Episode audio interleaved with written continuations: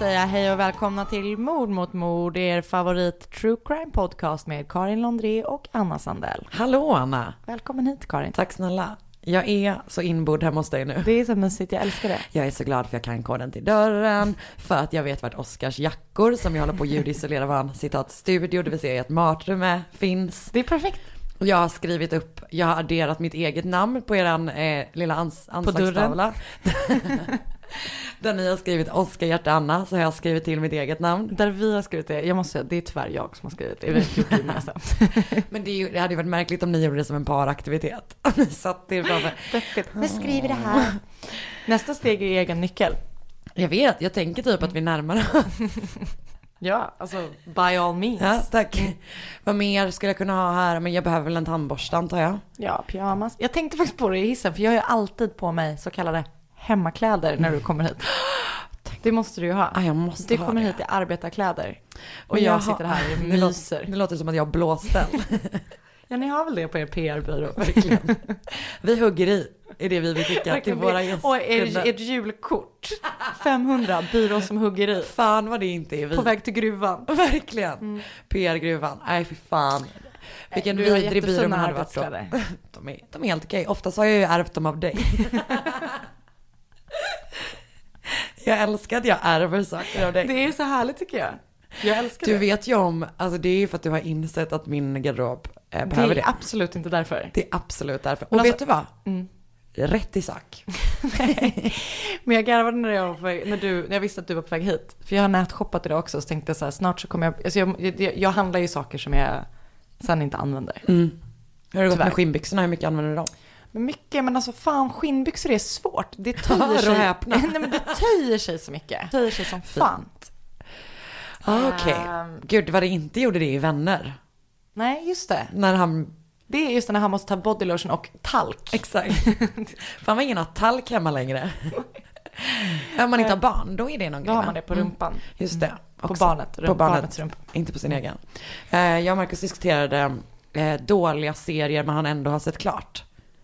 Gud, hur många finns det inte som är så? Och då sa jag att eh, Vänner nog ändå är en sån i efterhand. Alltså, men det var ju inte det Exakt. 2003. Nej, när man låg där. sändes. Varje onsdag klockan åtta. Men för min, min tanktake på det var att det alltid gick typ när man kom hem från skolan innan. Vi, Okej. Sista avsnittet av Vänner gick typ när vi kanske gick i nian. Mm. Jag hade ju boxarna. Ja, det hade min kompis. Freddy också. Så jäkla avundsjuk på Mm. det. Vet du vad jag också gjorde? Jag kommer ihåg att jag, ha- alltså för jag hade ingen, liksom ingen tv på mitt rum. Nej. Men jag hade en dator som stod i ett hörn. Mm. Så jag med CD-ROM-spelare. Så att jag, liksom, det var väldigt liten skärm där borta i hörnet. Men där låg jag ändå Mm. Det hela nätterna och kollade på det här väldigt roliga avsnittet när Ross bara skaffar bränna på framsidan. Alltså det är så roligt. För det var det jag sa, Marcus bara, men var det något som var roligt i Vänner? Och då sa jag, eh, det med eh, skinnbyxorna Det var kul. och det med eh, solbrännan. Solduschen. Och även det med tänderna. Jag skulle precis säga det när han Ja. bleker tänderna. Men alltså Ross är ju min favoritkaraktär. Ross är ju ett sånt jävla as. En mer kontrollerande, lipig, vidrig man får man leta Jo men efter. han är ju rolig. Men han är ju Karin- djupt problematisk. Jo men. Allt behöver väl inte vara det. Va? Nej, nej, bara Ross. Tycker du, tycker du att, men tycker du att Joe är en mycket mer lugn karaktär då? Nej, gud nej, absolut inte. Men alltså hela världen var ju fuckad på den Ja tiden. men jag menar det. Så att på, men det, han, det var ju, han är ju rolig. Kan inte bara ge honom det? jag tycker hans apa var bäst. Okej. Mm. Marcel. Mm, Eh, och det här är då alltså Vännerpodden. exakt. Eh, apropå um, serier, Mm. fast inte då dåliga serier, ehm, så har jag äntligen börjat kolla på Handmaid's Tale. Mm. Det är så sjukt att du inte har sett det. Och, För det känns som att du borde verkligen ha sett den. ja, eh, för har du börjat kolla på säsong två? Ja, men alltså det, jag, Det är för deppigt. jag orkar typ, alltså det Nej, jag vet. alltså Oskar är ofta så här, ska vi titta? Så bara, inte ikväll. Man måste, nej, alltså. Man måste vara på, på en bra plats i livet. Jag vet, och det gör man ju aldrig. och framförallt nu när det är typ så här, man inskränker typ aborträtten över hela jävla världen Mm. Nej, och nej. typ eh, man i USA röstar Den fram fucking nära. Mm. domare. Exakt, det är för nära. Oj, eh, jag började vifta med mina händer. Det är för nära. Så det är, men jag tycker att den är otrolig Alltså den är ju förstås. fantastisk. men Fy fan. Mm. Kul, stark spaning. Handmaid's tale. Lite jobbig va? Jobbig och bra. Du är Superbra. ensam som tycker det. Tack. Eh, men den är otrolig. Och apropå, på samma tema, bra serier. Vilken? Eh, jag har sagt det förr, jag, jag sträckkollar ju aldrig, klarar inte av det. Nej. I helgen såg jag färdigt en hel säsong, nämligen säsong två av Marcella.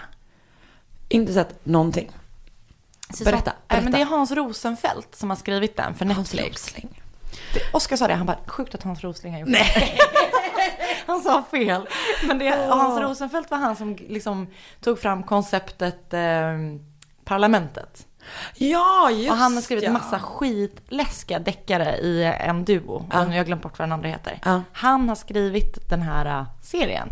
Alltså en Netflix original serie. I London. Alltså det är ingen sån Nordic noir? Nej, nej, det är en, det är en brittisk serie. Okej. Som handlar om en eh, polis eh, som heter Marcella. Som, ehm, Jag tänker bara på Nigella. jag vet, och jag tänkte på något annat också. Ja men hon heter i alla fall Marcella. Och hon är, som det är ju typ i alla polisserier, hon är en troubled cop. liksom. Ja. Men, ehm, Det är kul att det fortfarande känns lite fräscht när det är en troubled cop som är kvinna. ja, ja. Att man bara, ja, nu åker vi gubbar. Men eh, säsong ett såg jag också jättefort. För den var jätte- jättespännande. Den här, säsong två, var så läskig och spännande. Fråga, Ja. utreder hon liksom ett fall eller är det ett i varje? Alltså, Ett fall under hela säsongen. ja, men förra säsongen avslutades det Ja. fallet. Okej, skönt. För det, är gillar skönt. jag. Ja men det gillar jag också. Ja. Ehm, jävligt läskig. Och sen så är det ändå alltid som när jag läser, jag älskar deckare, jag älskar allt det där. Blir alltid besviken i upplösningen ändå. Så du såg klart den och blev besviken? Ja, men jag blir inte besviken, men det är liksom någonting ändå som bara, ja hopp. Det kanske är känslan av att det är slut, att jakten är slut. Jag vet inte. Ja, det låter ju lite Ja. som det. Kanske att det är det, för det var sjukt spännande. Alltså det var sjukt, Du hade, sjukt varit, du hade liksom mått bäst av en serie där man aldrig... Fick reda på någonting. Nej. Det var ju därför jag älskade Pretty Little Liars. Ja, just det. Den stod jag inte ut med alla säsonger kan jag, Jag säga. såg typ sju säsonger, sen slutade jag kolla. Vet fortfarande inte vem A är. Det är som när jag eh, insåg att de hade eh, så här, eh, släppts allra sista säsongen av Gossip Girl och läste någonstans typ bara, de kommer avslöja vem det var. Då kollade jag, alltså jag hade liksom sett dem typ kanske tre första, sen kollade på sista säsongen bara för att ta reda på det. Och sen blev jag rasande. Det var, det här kanske är spoiler alert för alla som inte sett Gossip Girl. Dan. Ja. Jag tror man ska pa- pausa innan. Vi kommer bipa det. Och nej, nu måste jag googla sånt beep sound. Mm. Ehm, Jag har eh, lyssnat på Peter Dokumentär om Örebromannen. Och som även- när vi släpper det här har blivit villkor, villkorligt, fri, villkorligt frigiven. Det är så stört. Ja, det är mig panikslagen. Mm. Extremt läskig. Ja, Också lyssnat på Peter Dokumentär om Solvallamorden. just det. Väldigt intressant. Jättespännande. Hade typ ingen koll Inte alls. Jag har också lyssnat på, eller börjat lyssna på nu, The Teacher's Pet. Vet Jag vet inte om jag sa det här till dig i podden eller på tu man hand. Eller överhuvudtaget. Eller överhuvudtaget. Det är verkligen en, en bra poäng. Eh, Men att jag kände mig lite typ trött på den, alltså du vet så här. Jo, jo. Investigative journalism podcast. Ja. Ehm, men den är ju lite så. Mm. Men grejen är att det händer så mycket runt omkring. Mhm. Eller den är så. Det är så här, en kvinna försvann. Mm. Alltså så här, Som var The Teacher's Pet. nej. Nej. Eh, Anna, Chill, försök inte gissa. nej, en kvinna har försvunnit. ehm, och det har typ knappt utretts som mord. Utan de bara, ah, hon försvann, hon lämnade sin, du vet alla sina saker, inga pengar tog hon med sig. Sen hon lämnade sina två barn som alla var så här, hon, typ, hon ville bli en mamma, det var det hon ville, alltså du vet verkligen så. Eh, hennes man var en del av en liksom kultur som lite får mig att tänka på så här, The Keepers. Ehm, för att han var ehm, lärare på en skola där det typ var liksom standard att de manliga lärarna låg med de unga kvinnliga eleverna. Så att han var ihop med en kvinna som var typ 16 eller 17 när hans fru försvann. Så, att, så att jag tror att det är det som gör att jag gillar den också, att det är, de utreder det här då, och jo då är frågan så här, är hon mördad? Alla bara, ja hon är mördad, men var är hon typ? Ehm, och det är liksom ingenting som är bevisat, man har inte, aldrig hittat hennes kropp. Men du vet ju också så här, eh, han, har, han har varit en sån high school football star. Så det är lite grann den grejen att du vet, han har så här connections till Gud eh, vad spännande, polisen ska jag genast Ja. eh, skriva upp det. Teacher's pet. En australiensisk. Hur, må- jag gillar Fan, ju det. fan vad de löser det Ja. bra. De löser Men det. man gillar ju hela Australien alltså. Nej, jag gör ju inte det. Minus alla läskiga djur. Jag är inte så förtjust. Alltså jag har en exakt Okej. 0,0 längtan till Australien. det här är det stora debattavsnittet. Oj, vad många avsnitt det fanns också. Jag vet, typ 15 eller någonting. Gud va? vad härligt. Mm. Eh, ja, det här är avsnittet när du och jag bara diskuterar olika saker som vi inte håller med varandra. Näst på tur, spårdamer. Och näst på tur efter det sitter tarmen i hjärnan. Anna, Ja, vi har med oss Next Story. gör vi. Hör och häpna, Det är du är inte kul. förvånad längre. Eh, Next Story som ju är en app och en sajt där det fanns, finns ljud och e-böcker. Mm. Eh, och om man är Mord mot mord-lyssnare så kan man gå in på nextstory.se slash kampanj, skriva in kampanjkoden mord mot mord så får man en hel månad gratis. Helt otroligt. Så, så bra. Mm. Vad är ditt Next Story-tips den här veckan? Men den här veckan måste jag tipsa om en bok som jag eh, läste i somras. Men som jag tror kan vara otroligt spännande som ljudbok. Som är 1793 av Niklas Natt och Dag. Det är en sort of deckare som är fast den utspelar sig på 1700 1700-talet och 1793. 93. Och det är också en väldigt eh, rolig tidsskildring och eh, även en stadsskildring av I Stockholm. Stockholm? Ja. Ah, fan vad fett. Så den Det måste jag tipsa om. Jag, den var väldigt, det var en liten snackis i somras. Ah, Så den var super, superbra. Tips. Kul. Du då? Jag vill tipsa om I bunkerläkarens våld som förstås är då eh, skriven av den så kallade bunkerläkaren, det vill säga Martin Trenneborg, eh, offer. Mm. Den är skriven under pseudonym, hon heter ju något annat egentligen. Men det är hennes bok om det hon var med om där. Så spännande. Så jävla spännande. Läskigt. Så, vad gör man? Man går in på nextory.se snedstreck kampanj, skriver in mod mot mord för att vara med i en hel månad och stötta vår podd. Just det, man är med oss en hel månad gratis. Exakt. Ja, så så härligt. Mm. Och så kan man lyssna på de här böckerna med oss och diskutera med oss och sånt. Och det blir ju superhärligt. Så bra. Så bra, hej.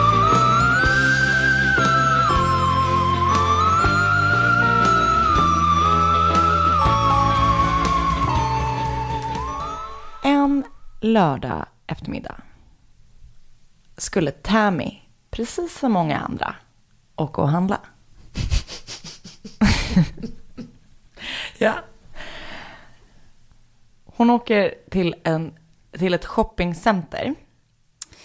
För hon ska sen vidare till en kompis. Hon stannar vid det här shoppingcenter. För hon har lovat att hon ska köpa med sig efterrätt. Hon svänger in på parkeringen. Eh, och där är det då massa, massa andra bilar. Alla är där för att göra sin lördagsshopping inför lördagsmyset. Så hon svänger omkring, letar efter en parkering, parkerar bilen, stannar bilen. Och ehm, när hon sitter i bilen, hon precis stannat den, så dyker det upp en snubbe i hennes bil. En helt vanlig kille. Han är liksom, det är inget suspicious looking. Han Mm. är 5'10 tall. Vad som betyder är, det då? Det är ganska normal långt tror jag. Jag är 5'6 tror jag. Ja. Jag, tror, eh, jag tror att det är typ så här 1,80. Mm. Jag tror han är väldigt normal. Ja, Jag har inte källa, källa på det. Men jag tror att det är källa feeling. Ja. Ja. Och han väger 160 pounds vet jag också. Och det är runt 80 kilo. Mm. Så jag tänker om att han är normal så kanske han är, alltså, Han är ganska standard. Standardperson. standardman. Mm. Ja. Eh, så han dyker upp eh, och liksom han är anybody. Och säger så här. Jag har fått eh, motorstopp, mitt batteri har pajat på bilen. Kan du, No. eh, tänker du hjälpa mig? Ehm, och eftersom ett, han typ verkar bara vara en helt friendly guy. Två, det är mitt på ljusa dagen, lördag eftermiddag. Ehm, tre, i typ världens liksom mest trafikerade parkering. Så hon är ju Allt säger så här, det är lugnt. det är lugnt. Ja. Mm. Eh, och det tycker även Tammy. Så hon eh, bara, okej, jag hänger med. Så han leder henne, liksom, hon med hennes bil, bort till eh, där hans bil står då. Och så börjar de rodda så här. Och han bara, jag har inga startkablar, kan vi ta dina? Och de håller på där runt bilen liksom.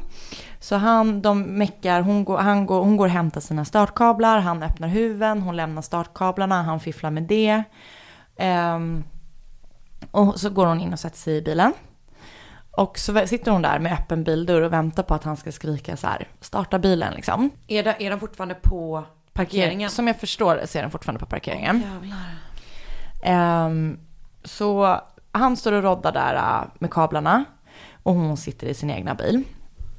Och så skriker han inte, eller du vet, hon bara sitter där och väntar. Och sen så från ingenstans, så helt plötsligt så sitter han bara gränsle över henne med en kniv mot hennes hals. Så här går det. Eh, och jag fattar typ inte riktigt hur det har hänt. För att, eh, och sen dog hon. Jag skojar. jag skämtar. Eh, nej men jag fattar, inte riktigt, jag fattar inte riktigt hur det har hänt. För att han måste fått ner huven och sen sprungit runt och kommit in i bilen utan att hon har märkt det. Men hon är väldigt disträ. Liksom. Men, eh, eller så fick han inte ner huven. Eller i och för sig, han måste ju köra iväg. Men för jag tänker, annars så är det ju ganska lätt att smyga fram bakom en. ja. Alltså jag tänker typ att, Absolut, att jag det förstår. borde vara... Och det kan vara så här, för det han gör nämligen. Mm. Eh, han sätter sig gränsle över hennes hals. Nej, Nej. över, henne, över henne. Han var, så, han var med i Cirque du Soleil. Verkligen. Som en halsduk. Skarf. Eh, han sätter sig gränsle över henne. Med en kniv mot hennes hals. Och han, har, han är helt panikslagen. Och bara är så stressad. Du, vet, och bara, eh, du måste lägga dig ner eh, på golvet här. Liksom ner på floorboardet på bilen. Du måste ner, typ göm dig här. Och så säger han att eh, det är massa män efter honom. Och att han är skyldig dem pengar och sådär. Eh, så jag tänker att han kanske tvingar ner henne på golvet. Sen stänger huven och åker. Jag vet Mm. inte. Ehm, så han säger så här, det är massa män efter mig, jag skyller dem pengar, du måste hjälpa mig. Så han eh, säger att de måste ta eh, hennes bil och åka därifrån. För att de vet vad han har för bil. Liksom. De måste därifrån. Ah. Så det är en Eh, sån carnapping. Typ. Och hon får såklart panik och säger så här, men jag hjälper dig med vad som helst. Eh, så länge du inte gör mig illa. Eh, och först säger hon så här, bara, hinner jag rymma ut ur bilen? Kan jag ta min chans? Och så inser hon så här, nej men det går inte. Jag får liksom bara hänga med nu. Eh, så frågar han så här, har du några pengar på dig? Du måste hjälpa mig. Har du några pengar? Hon bara, nej men jag har 12 dollar på mig. Hon är student när det här händer. Hon har 12 dollar på sig och det är typ 80-talet. Eh, hon har 12 dollar på sig och han frågar om hon har några kreditkort som han kan använda, vilket hon heller inte har. Och då säger han så här, om du ljuger nu så kommer jag fan döda dig. Undrar vad hon tänkte köra handla i affären. För 12 dollar. En tårta. Mm, Hon skulle ju bara handla Just efter hon skulle bara handla efter Ja. det. Sant. Och om man tänker inflationen och tänker Matte mot matte. Så hon har ju då panik och bara, här är jag i min egna bil med en jävla dåre som har knivhotat mig och säger att han ska döda mig om jag inte hjälper honom. På ett sätt läskigare med en gärningsman eller förövare som är så panikslagen. Som är stressad ja. Som att, för att man inte typ kan... Ja, Det kan ju hända saker så här. Exakt, liksom. man kan liksom inte avläsa vad nästa... Åh, Nej. gud vad hemskt. mm, ja. Så hon ligger på golvet i sin egna bil och så börjar de köra. Och hon fattar, hon ser liksom bara rakt upp, eller du vet hon ser ut genom fönstren men från golvperspektiv. Och så hon fattar att eh, de lämnar parkeringen. Eh, men hon har ju ingen aning om var de är på väg. De åker ut liksom och åker längs en stor väg sådär. Och han, hon hoppas hela tiden bara så här, kan han bara lämna mig och ta bilen? Så här, ta bilen och stick liksom. Eh, men det gör han ju inte. Så de kör längs en ganska stor väg och efter ett tag så svänger de av den stora vägen. Så hon får ju panik. Hon ser bara massa träd ovanför sig och så hör hon efter ett tag hur det liksom börjar komma så här grus. Du vet hur det låter när man åker på en landsväg. ja, för hon ligger fortfarande... Åh, gud. Så hon ser träd ut genom rutorna och sen hör hon grusljud under däcken. Eh, och till slut så stannar bilen. Och så kommer eh, mannen, för då, hon ligger väl på passagerarsidan eller i baksätet, baksätet på något vis. Eh, eftersom han kör. Så han stannar bilen och så kom, kliver han ur bilen och kommer runt och öppnar för henne. Och så släpar han ut henne ur bilen. Och då ser hon så här, mm, vi är i ett jättestort grustag. Åh!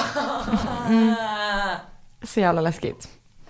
Grustag, en av de läskigaste platserna. Alltså så läskigt. Och hon bara, det kan bara finnas en enda anledning till varför vi är här. Ja, han kommer mörda mig. Mm. Ja.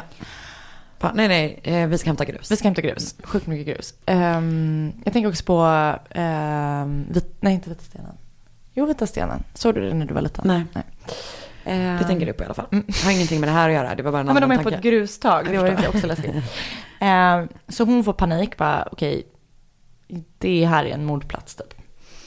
Och sen så vänder han sig mot Tam och säger så här. nu ska vi gå in i skogen som ligger här bakom tillsammans. Nej. Nej, det ska vi inte. Mm. Men i och för sig, bra, bra att komma bort från grussaker. Ja, exakt.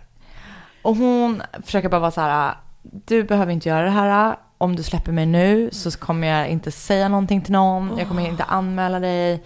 Om du bara släpper mig så liksom glömmer vi det här. Att vi drar ett streck över det. Tack. Bakgrundsljud. Men, eh, och det, jag tycker jag får alltid som panna när man hör om just den där grejen i den här typen av alltså historier. Det vill säga när man verkligen bara försöker övertala någon. För det kan jag verkligen, Relatera alltså jag kan verkligen Ja, se jag mig själv göra det på något sätt. Man tror att man kan typ tala vett i dem. Exakt. Mm. Så hon då försöker övertala honom. Och eh, han bara, nej, tyvärr liksom. Och sen så drar han med henne in i skogen. Väl där inne i skogen så stannar de upp i någon liten dunge typ. Och så säger han åt henne så här, ta av dig alla dina kläder. Och eh, då får hon jätte, jättemycket panik och börjar gråta jättemycket och ber och liksom bönar om att bara få gå därifrån. Eh, och han säger åt henne att om, inte, om hon inte klär av sig självmant så kommer han skära av henne alla, klä, alla kläder med den kniven som han har hotat henne med tidigare. Och sen så tar han tag, henne, tar han tag i henne och så drar han ner sina egna byxor. Och sen så bara så tvingar han henne att luta sig mot ett träd. Och sen så våldtar han, han henne. Så himla hemskt. Och då frågar hon honom, ehm, som jag förstår det under våldtäkten så här. Varför gör du så här? Du vet ju inte vem jag är, du känner inte mig. Typ, varför, håller, varför har du gjort så här? Varför gör du så här mot mig? Och då så svarar han bara, because I'm sick lady.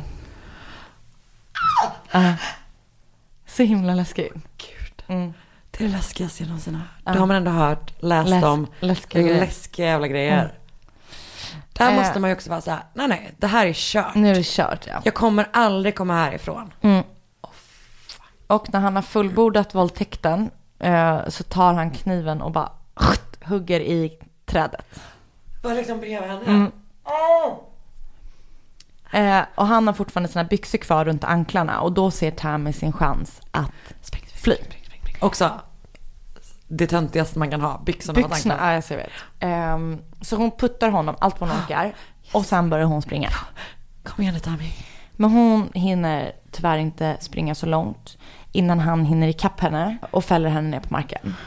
Och då är han så jävla, jävla, jävla pist. För att hon har försökt eh, liksom fly. Och så börjar han slå henne och bara matar, matar, matar slag. Och sen så drar han liksom in, un, alltså vet han så här, drar omkring henne typ. Och sen så försöker han våldta henne igen.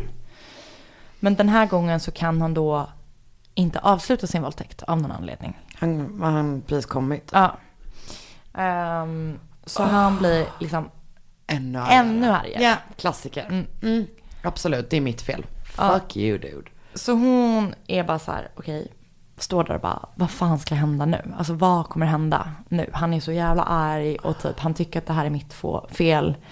Han är skitsur, han är jättefrustrerad. What's gonna happen? Och eh, då tar han tag i Tammys hår och bara, nu måste jag gömma dig någonstans här inne i skogen. Och det var först då som Tammy egentligen verkligen förstod att han skulle döda henne. Liksom. Att så här, nu är det, det var då hon var så här, okej, this är det is the end liksom. Eh, så det gav henne en ytterligare push i kämpaglöd liksom. Att hon bara så här, fan jävla as. Not today. Not today. Så han drar henne genom skogen, liksom vidare längre in i skogen. Och eh, när de har kommit till någon ny dunge så tvingar han ner henne på knä. Och sen så tar han sin kniv och skär henne över hela halsen. Så bak, han står bakom och så skär längs halsen. Och hon fortsätter att liksom så här, eller hon gör motstånd och fortsätter bråka och liksom så här, vad håller du på med, idiot?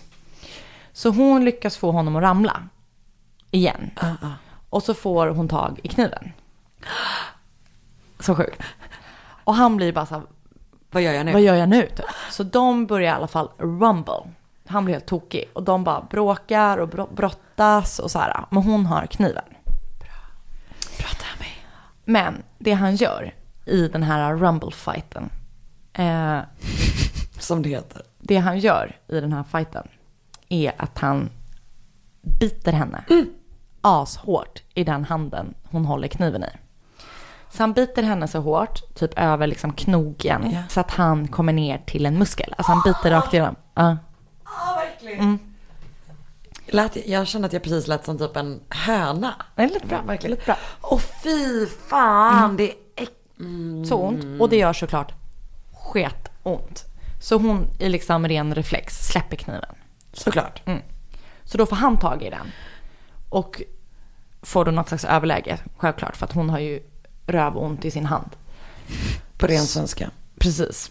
Så han brottar ner henne. Och sen så börjar han bara hugga helt besinningslöst. Så han hugger och hugger och hugger. Så han, de är liksom på marken i den här dungan typ, i en skog. Och han bara är på henne och bara hugger och hugger och hugger. Ja. Ganska läskigt. Ganska. Och hon ligger där och bara shit. Nu dör jag typ. Så hon får då för sig att hon ska spela död. För att få honom att sluta hugga. Så hon helt plötsligt bara Ah. coolar av. Så hugger han typ en eller två gånger till. Och sen slutar han. För han då tänker ju så här, men nu, nu är han, hon ju död. Och hon ligger där och spelar död och så märker hon så här hur han slutar hugga, hur han går runt hennes kropp. Och sen så stannar han upp och så onanerar han bredvid hennes kropp. Med Hedvigs hemförsäkring är du skyddad från golv till tak oavsett om det gäller större skador eller mindre olyckor. Digital försäkring med personlig service, smidig hjälp och alltid utan bindningstid. Skaffa Hedvig så hjälper vi dig att säga upp din gamla försäkring. Hedvig hemförsäkring, ett klick bort. När han har gjort det eh, så går han därifrån. Och Tammy är liksom alive. Så att när hon har hört då så här, nu måste han ha gått. Så försöker hon resa sig. Så hon reser sig upp, stapplar liksom, du vet, hon är sjukt skadad. Kom igen stapplar Tammy, fram. kom igen.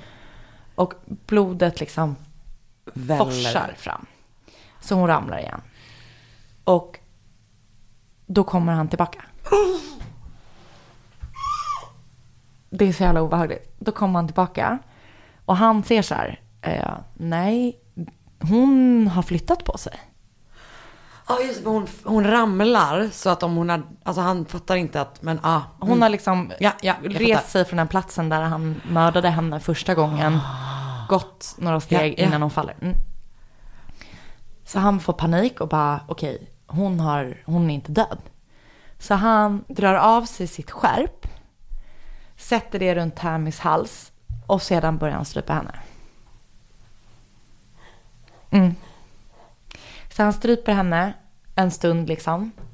Och sen så lämnar han henne igen, hennes kropp. Han bara, nu, nu är hon nog död igen. Så efter ett tag så vaknar Tammy till liv. Ändå. Den här människan är ju Ja, är gjord av något slags stål. Mm. Och det bara fortsätter, det, hon är helt liksom blodig. Och hon bara så här, jag tänker fan inte dö här ensam i skogen. Jag ska fan överleva det här. Så hon ger sig fan på att komma därifrån. Så hon börjar stappla igen. Och det här är så jävla äckligt. Men varje gång hon andas så kommer det liksom luft ur hennes knivhål. Så hon, du tar henne, alltså hon fattar så här, jag är sjukt illa ute. Jag är liksom död typ.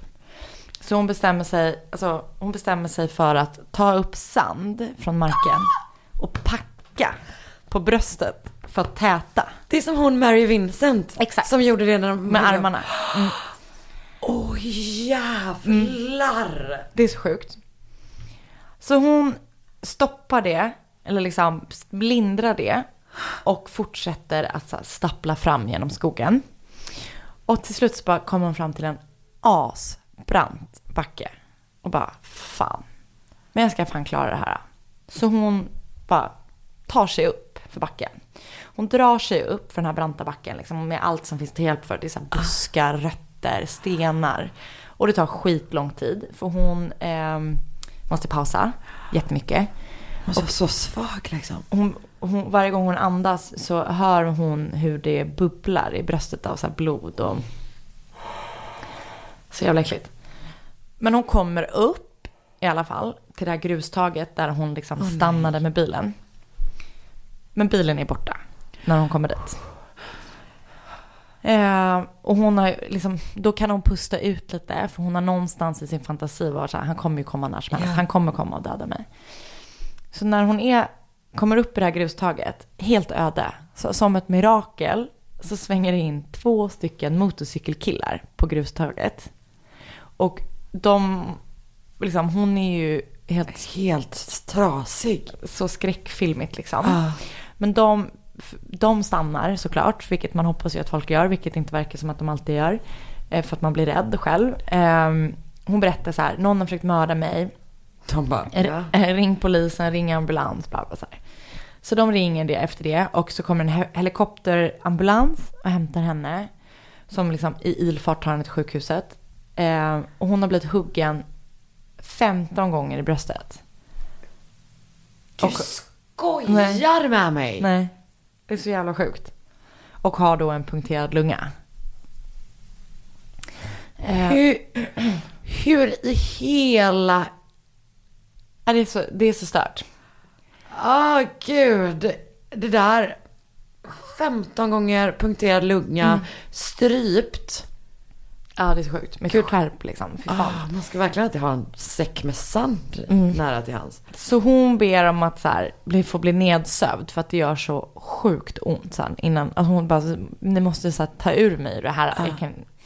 Men kirurgen då som opererar på henne säger att så här, dina, dina lungor är så fulla med blod. Så om vi söver ner dig så kommer du typ kvävas av det. Så du måste vara vaken när vi tömmer dem. Ehm, så för att tömma lungorna så måste de sätta ner såna här tubes typ i halsen. Och så bryter de fyra revben. Typ när de pumpar ut blodet. Så att det inte... Åh gud. så ehm, polisen då som kommer dit på Tamis bil så hittar de ett handavtryck. Men gud, vart hittade de bilen? De åkte ju, det vet jag inte. Det vet jag inte. Gud, vad chockad du blev Den att kanske- du inte visste någonting. Ja. Nej men det finns, Men de måste ha hittat den någonstans. exakt. För de tog ju hennes bil. De tog hennes bil Ja, men då måste han ju lämnat av den någonstans. Exakt, jag antar det. Mm. Ehm, på bilen i alla fall, när de har hittat den, så hittar de också ett handavtryck. Och handavtrycket tillhör en man som heter David James, James Etherly. Italy. Typ att det är så. Eh, och han grips. De hittar honom på något vis. Väldigt lite information om hur jakten på honom går Men till. snälla, du hade all information om det här Ja. otroliga Anna. Eh, och de eh, griper honom och han erkänner sig skyldig till väpnat rån, kidnappning och våldtäkt. Inte Man bara, ja. vänta, hur var det nu med de här 15 fucking knivhuggen? Men det gör ingenting för han döms till två efterföljande livstider. Plus 20 år. Men inte för typ mordförsök? Nej, Oj. jättekonstigt. Väpnat rån, var det det? Han kanske hade i och för sig Jag antar att han har någonting innan. Ehm, och Tammy is alive and well. För det här är då ett I survived avsnitt som jag också blev tipsad om. Som är så Alltså, sjukt spännande. det där är typ en av de bästa historierna Alltså den är jag så stark. någonsin har och hon hört är så stark. Och så säger Och hon du så här, berättade så bra. Tack, det, det är liksom är... Ja, ja, nej men det snälla. Det är Tammy, it's all du Tammy. översatte det till svenska. Eh, men hon, det är så coolt, för i slutet sen så hon bara, alltså jag bestämde mig för att dö. För att så här, det var bara, eller inte för att dö. Jag bestämde mig för att jag inte kunde dö. För, För det var, för de frågar ju alltid så här, Ja. why did you survive? Vad är det svaret på den frågan? Typ? exakt. För hon bara, det var bara två och en halv timme som jag blev utsatt för det här. Och hon, det kommer inte påverka resten av hennes liv för de här två och en halv timmar. Så jag bara, han kan, hon vann över honom och hon kommer fortsätta vinna över honom hela hennes liv. Ja! Det är så jävla coolt. Akta den där som inte åker ner på dig. Jag är precis på att riva ner en spegel.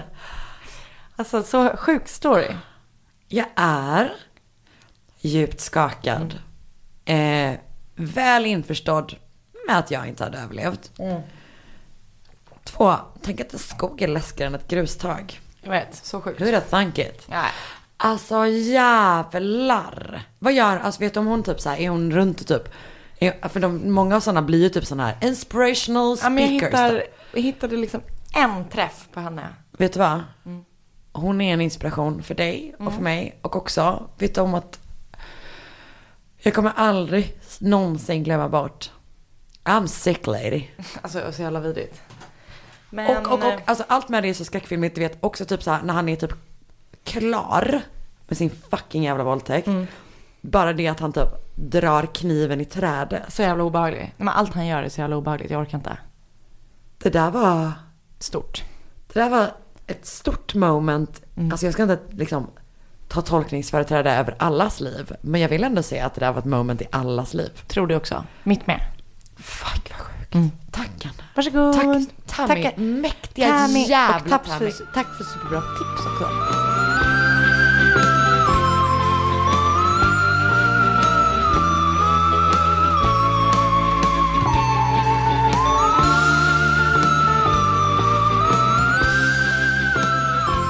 Vi går rakt på. Vi går rakt på. Vi går rakt på.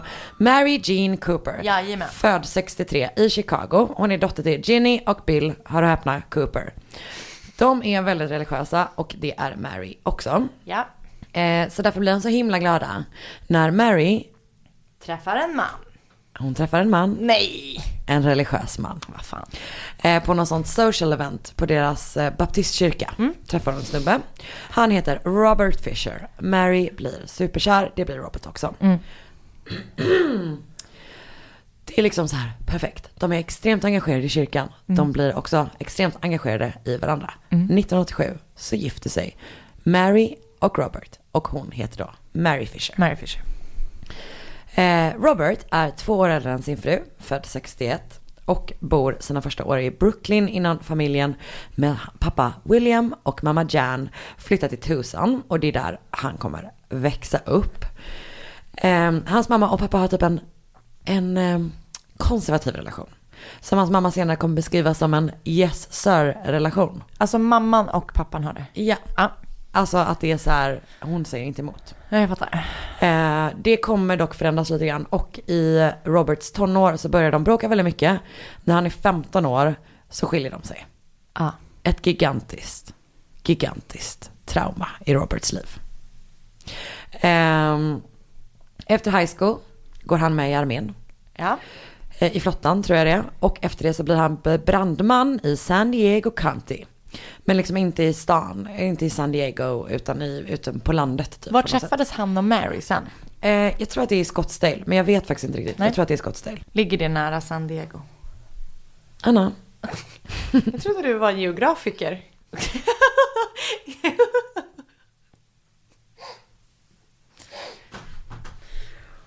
ja, vi gillar att jobba i uppförsbacke. verkligen. Okej. Ehm, för när han då träffar Mary och de har gift sig och så vidare så bosätter de sig då i Scottsdale. Vilket Ja. är varför jag tror att det är, för det är nära hennes föräldrar. Kan träffats någonstans, men jag tror att det är där. Ehm, så de bor väldigt nära hennes, hennes päron liksom. Deras första barn Britney föds året efter bröllopet, alltså 1988. Samma år som jag är Som du. 1991 så får paret en son som heter Bobby. Så Britney och Bobby. Det, de är liksom så här en helt vanlig familj. Eh, de verkar vara lite så här outdoorsy. Eh, Robert är väldigt förtjust i vildmarken som jag har skrivit här i mina anteckningar. Wilderness. Exakt, han gillar att jaga, han gillar att fiska och allt det där. Så de håller på att campa och är mycket liksom ute i naturen. Men de är fortsatt också väldigt engagerade i kyrkan, de går mycket på sådana liksom camps och sådana grejer där också. Det är där de har så här, en stor del av sitt sociala liv. Ja. Britney är jättebra i skolan, eh, men är också så här, håller på med sporter och sånt. Så att folk bara, man kunde tro att hon var nerd, but she was also a jock. Typ så, hon Ja. har allt. Var hon också cool? Eh, jag tror det, hon heter ju Britney, vilket är mitt coolaste Ja, namn. jag, jag håller helt med. Bobby gillar att måla och fiska med sin Han är lite pappa. mer introvert. Mm, exakt. Eh, och Mary jobbar inte under barnens uppväxt. Eh, men hon typ så här, har varit extremt engagerad i deras skola och du vet ju massa sådana Mm. såna grejer. Så här, varit fri, frilansare höll jag på att säga. Jag menar ju förstås att hon volontär, alltså Ja. heter det? Volontärarbetare. Fast i sina för barns skola är man väl nog inte volontärarbetare? ehm, nej man... eh, Skitsamma. Nej. Alla fattar. Ja. Charity. Men när de blir Du äldre. är så hård mot mig idag. Du, du skrattar åt mig, inte med mig. Jag ska ta alltid med dig slash åt dig. Du skrattar alltid åt mig. Men sluta vara så rolig ja, då. sluta vara så dum var det du ville säga. Det var inte det. Du är en superklok person. Jag kallar dig för en klok person senast idag. Tack. När då? Snälla. Alltid. Du läser inte ens vad jag skriver till dig. Ja, spegel. Okej, kör, kör, okej, kör. okej. När barnen blir lite äldre så börjar då Mary jobba igen. Mm. Jag tror att hon, alltså, hon jobbar på, det står typ så här, a medical company. Ja. Jag vet inte riktigt vad det betyder. Eh, Robert jobbar på något sätt med människor som lider av lungsjukdomar också som någon slags då, sjukvårdspersonal. Mm. Också oklart. Alltså det är inte oklart, det är bara det att jag var dålig på att översätta det. Mm. Ehm, och nu har då liksom, det är ju så här, helt normal familj. Up to this point. Spännande. Vår historia fortsätter morgonen den 10 april 2001. För vid 29 på morgonen så drar en explosion genom familjen Fishers Ranch Style Home. Vilket är en beskrivning jag gillar väldigt mycket. Verkligen. I Scottsdale. Och den explosionen är liksom så stark att alla hus inom 800 meters radie skakar. Jäklar. Och deras så här, alltså muren framför liksom bara raseras typ. Rätt stark explosion. Om jag Verkligen. får säga det själv. Snart brinner hela jävla huset. Elden accelererar extremt snabbt. Men så här, brandkåren lyckas liksom se till så att den inte sprider sig till andra hus. Men snart är liksom hela huset nedbrunnet till marken. När man väl kan gå in i huset så hittar man tre kroppar. Oj. 38-åriga Mary, 12-åriga Britney och 10-åriga Bobby. Men snart inser man att de har inte dött av branden. Nej. Eller av explosionen. Utan de har alla fått sina halsar avskurna. Mary har också fått en kula i bakhuvudet. Fan. Robert syns inte till, hör och häpna. Men gud. Och blir förstås snart, alltså typ några dagar senare så här misstänkt för mordet på, eller morden på hela sin familj. Men gud. Så. Vi backar bandet lite grann. För att trots att allt har sett så himla himla bra ut på utsidan så har inte allt varit kanon i Fisher-familjen. För enligt de då som kände familjen så var Robert så här en superbra pappa på vissa sätt liksom. Att han var riktigt sån familjeman. Men också att man började få lite så här, jag, eller jag började få lite så här, "Ugh", när det var någon som bara, he was the king of the castle. Ja. Snark. Ehm, Var det hans föräldrar som hade haft yes sir relationen? Japp, exakt. Så, ehm, han är då också, utöver då en så här bra pappa som na, na, na, fiskar lite grann. Kanske att man tänker sig att han så band en fluga, Ja. om du fattar. Eh, så är han också en kontrollerande, krävande och våldsam man. Som bland annat krävde att Mary skulle så här be om tillåtelse när hon skulle göra saker. Och stackars, stackars Mary försökte verkligen dölja det för alla. Alltså typ, han, hennes familj kände inte till någonting om det. Vilket också är så jävla heartbreaking tänker jag. Alltså, Ja. det är även förstås för henne som var tvungen att bära på den jävla skiten. Men också typ för familjen, Ja. alltså för, för föräldrarna som, de var jättenära. Alltså de träffades supermycket liksom. Men hon berättade aldrig om hur det låg till. Gud vad hemskt. Jag vet, det är så jävla heartbreaking. Och vilken mm, liksom, psykisk makt, eller liksom Mm. sån jävla maktutövande. Han har jag. Så här, ja. Som är verkligen så här, eller typ han vet, visste om att hon inte skulle gå Mm. så. Och det är ju ganska mycket prat om att så här, hon höll ihop för barnens skull. Mm. Alltså verkligen, typ att vara mamma var liksom det hon ville. Mm. Mest av allt typ. Ehm, det finns dock de kompisarna som berättat att han var lite konstig ibland. Till exempel den gången då han, då han sköt en älg och sen smörjde in sig med dess blod.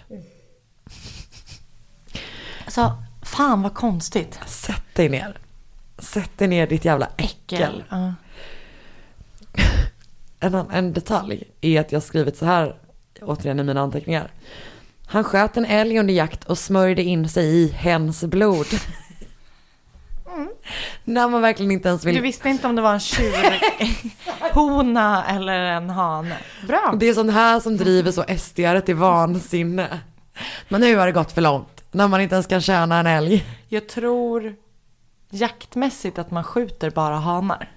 Okej. Men det får någon som kanske jagar svara på. Men jag gissar att det är så. Mm. Vad- baserat på vad? Kvinnohat. Känsla? I don't know. Okej. Eh, han hade ju då den här grejen att han absolut inte ville skilja sig. Nej. Eftersom hans föräldrar hade gjort det. Jag ska också berätta en riktigt större grej för dig. Som är så här. Att ett av hans föräldrars stora bråk ägde rum på om det var men, någon sån Disney World Mm. ställe. Så han vägrade ta med sina barn dit. Puh, alltså. Fucking Släppte. Alltså, på riktigt. Det bara, Det kanske är viktigare att du typ är en bra, Bra fam- pappa, Exakt, alltså, och bra kom man. Så folk inte vill hålla på och skilja sig från det hela tiden. Sluta smörja in det med blod, det Get luktar over äckligt, yourself. Verkligen. Ja, så han hatade, hatade, hatade skilsmässa. Men han hade inga problem att vara otrogen. Nej. Man bara, De hör ofta ihop känns det som. Med sopiga män. Verkligen, verkligen så. Så 1998 så sökte sig Mary och Robert till en präst då i sin församling för typ äktenskapsrådgivning. Men det verkar inte ha hjälpt supermycket. För 2000 eh, så är Robert otrogen med en sexarbetare. Och han, jag tror inte att han berättade det för henne. Men hon anade det och typ tog upp det lite grann med sina kompisar. Det var lite svårt då eftersom han också fick någon slags könssjukdom Nej. av den här otroheten. Och så vet du vad jag verkligen Hur tänker kommer det mig? ens fram? För alltså, jag tänker att om jag var gift, ja, om man misstänker det kanske man skulle testa det. Men alltså annars skulle man ju aldrig, Ah, nej nej, alltså det skrevs någonstans att han var sängliggande. jaha, han fick typ syfilis. Eller? Men alltså också typ att det är så här, ska hon ta hand om honom med hans jävla man cold of the dick? Alltså att det verkligen är, Fan du vet alltså. bara, ah, okej jag har varit otrogen men typ så här, jag har en riktigt stor förkylning i könet så kan du snälla ta hand om mig, jag lovar att det var så. Ehm, Okej, så att hon har typ så här berättat, kind of, eller hon har berättat att hon misstänker det. Mm. för sina eh, vänner. Men det är liksom inte mer än så då. Mm, och under den perioden så börjar han också så här dra sig undan från det som typ förde honom sam- dem samman. Kyrkan, Kyrkan. som är typ det viktigaste för henne liksom. Så att det har liksom varit så här knackigt to say the least liksom. Men i början av 2001 så verkar det på ytan åtminstone som att det är på bättringsvägen. Eh, Mary har typ så här förlåtit honom, han börjar gå i kyrkan mer. Eh, de är så här, tillbaka i äktenskapsrådgivningen och bla bla bla. Men Mary börjar ganska snart efteråt typ misstänka att han återigen har, eller att han har en affär den här gången. För det andra tror jag typ var att En Ja, engångsföreteelse. att det var, det var någon slags, det var typ en sexarbetare som han träffade på en massageställe. Okej. Lite mer den situationen. Ehm, och hon har då berättat, alltså veckor innan explosionen har hon berättat för sina vänner att så här, fan jag vill skilja mig typ. Mm. Vilket jag också tänker måste vara en sån jävla stor grej när man är Alltså, så religiös, alltså när man är så verkligen. troende typ. Mm. Och också som sagt att man verkligen har haft typ den här viljan som hon då, eller enligt hennes liksom familj och vänner hade, att typ så här verkligen ville vara, ha en familj och typ vill brann, alltså så här levde så himla mycket för att hålla ihop den familjen liksom. Robert har då sagt att han aldrig kan tänka sig skilja sig. Nej. Det stör mig något så fruktansvärt med en person som säger sådana grejer men inte typ Så, Alltså, så här, jag- agerar på att förändra sig typ. Nej, exakt. Att man bara, ja, jag vägrar skilja mig. Men jag vägrar också vara en decent human being mot min fru. Fruktansvärd. Fruktansvärt. Exakt. Störig. Okej, så vi kan prata om det som vi vet hände den där måndagen i april 2001. Jag tror det är en måndag. Googlade så. What day was bla bla bla bla bla in 2001. Ehm, så måndagen är ju då, alltså som ledde fram till en tisdag, hör och häpna, Ah. då explosionen hände. Så det här är vad vi vet. Efter att Robert Fisher avslutade sitt skift så hämtade han Britney och körde henne till National Junior Honor Society. Där ska hon skulle få pris för sina outstanding academic achievements. Vill du höra en riktigt större grej? Gärna. Robert blev lite ot- otålig under ceremonin. Så han bara, vi drar. Va? Så hon fick inte sitt diplom.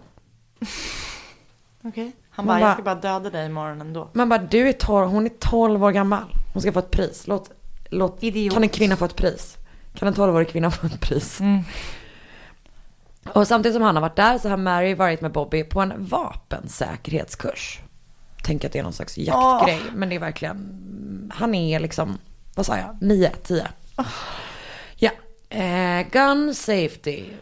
Baby's first gun safety. Så de möts någon gång hemma under den här kvällen och grannar hör dem bråka.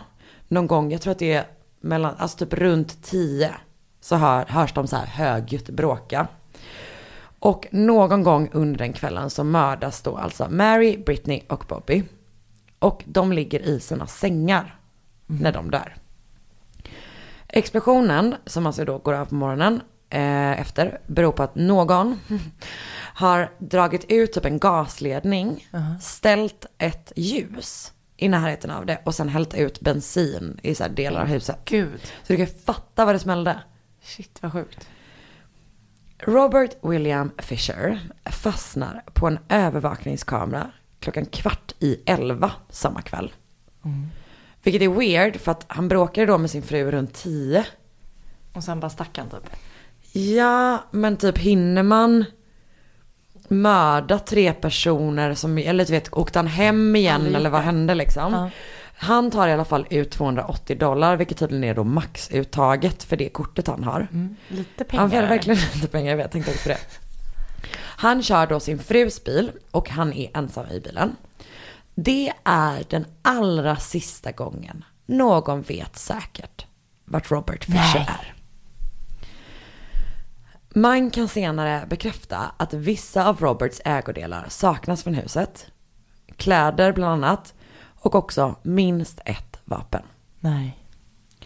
Tio dagar senare hittar man då samma bil, det vill säga hans frus bil, som han körde till den här bankomaten. 15 mil från där de bodde. Ja. I ett område där det är så vandringsleder liksom. I Tonto National Forest. Under bilen, när man väl hittar den då tio dagar senare, så sitter Roberts hund Blue där. Uttorkad och täckt av barr. Mm, jag vet. Vadå tio dagar? Tio dagar senare. I bilen? Under bilen. Fastbunden eller? Gömt sig där bara? Mm. Okej. Du som är hundpsykolog, vad är ditt uttalande? Jätteskrämd hund skulle jag säga. Bra. Okej, så både polisen och hans närstående är övertygade om att han inte begått självmord. Alltså verkligen så här, Det har han inte gjort liksom. nej. Eh, delvis är det typ så här bara, nej han är för stolt för det. Alltså he's too cocky, säger de typ. Att det är liksom så här, han är inte en person som skulle komma undan med det här, dra därifrån för att avsluta det. Nej. Så det är en grej. Och sen läste jag också att varje år så sker det mellan 30 och 50, alltså det är ju så här family annihilator eller familycide, det heter något sånt tror jag. Ja. Eh, men eller family annihilators är ju personer som begår det och en familycide är när man mördar sin familj typ. Mellan 30 och 50 mord på familjer i USA eh, är alltså då utförda av familjemedlemmar. 30 till 50. Ja. Jäklar vad många. Eh, ungefär hälften av dem följs av självmord eller självmordsförsök. Men det görs i princip alltid på brottsplatsen. Eller i närheten av brottsplatsen. Det är liksom så här Direkt, superstandard. Ja, precis. Så det är extremt ovanligt att någon flyr för att avsluta sitt liv. Det finns förstås lite olika teorier. Och en teori är då att så här, man tror inte att han har, eh, eller man tror att han har blivit hämtad där. Och ett starkt bevis för det är ju att hunden var kvar vid bilen.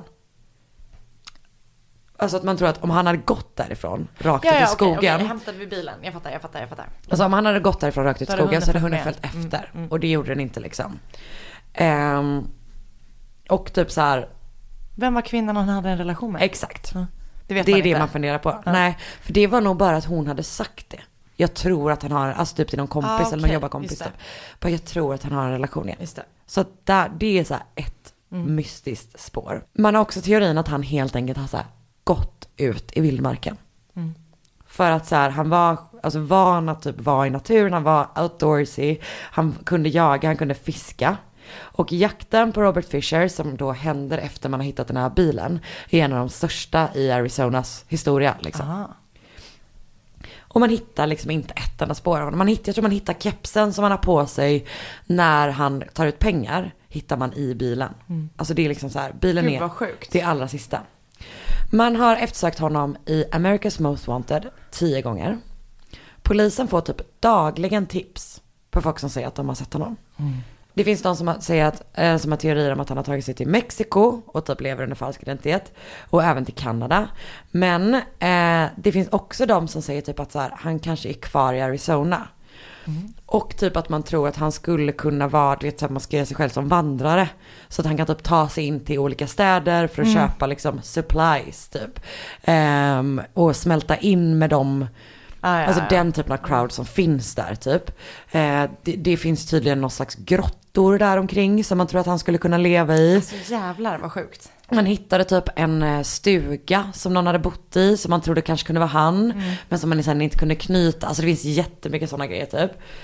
Ehm, och så här, men det typ polisen ändå verkar tro är typ han har skaffat sig en ny identitet. Ja. Kanske, antagligen en ny fru. Och antagligen också nya barn. Fan Alltså, vad sjukt. så. Eh, man har då sett, trott att man har sett honom på många ställen runt under den här tiden. För det är ju då 17 år sedan nu. Så eh, bland annat så tror man att man typ har sett honom i Sydamerika. Har det kommit lite olika sådana. I februari 2004 så grips en man i British Columbia i Kanada. Som är så jävla jävla lik. Nej vad sjukt. Alltså han är extremt lik. De höll honom häktad i en vecka. Innan de till slut kunde säga bara, okej Okej, det, är inte han. Med fingeravtryck och typ någon släkting. Vad sjukt. Ja. Han är på FBI's Most Wanted list. Och eh, det finns en belöning på 10, 100 000 dollar. Oj. Till den som kommer med information som får honom att bli gripen. Och de, alltså FBI och polisen är övertygade om att så här, han lever, han finns där ute någonstans. Fan vad sjukt. Eller hur? Så att det kommer typ nya tips hela tiden. Och 2016, alltså typ 15 år efter då att han mördade sin familjemedlemmar.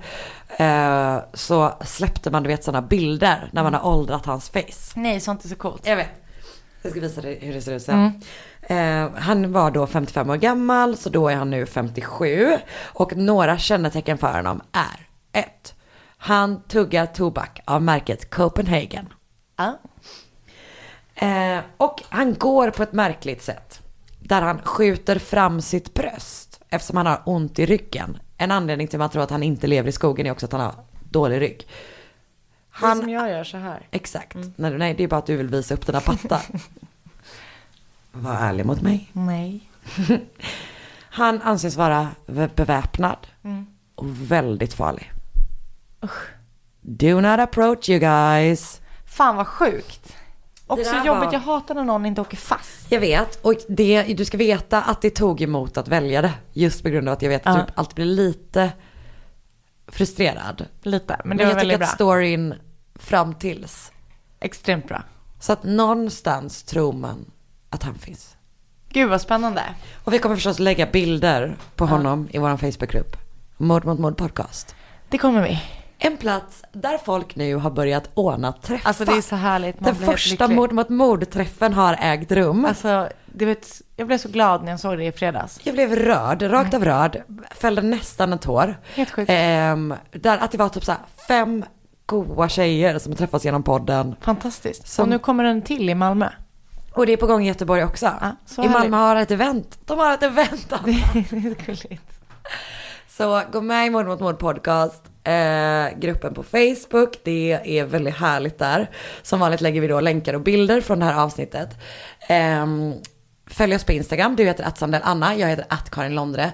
Ge oss en eh, snäll review om du vill det. Eh, är det något annat vi vill säga? Mm, nej. Nej, vi hörs nästa vecka. Ja, det gör vi. Ja. Ja. Hej. Hej. Med Hedvigs hemförsäkring är du skyddad från golv till tak oavsett om det gäller större skador eller mindre olyckor. Digital försäkring med personlig service, smidig hjälp och alltid utan bindningstid. Skaffa Hedvig så hjälper vi dig att säga upp din gamla försäkring. Hedvig hemförsäkring, ett klick bort.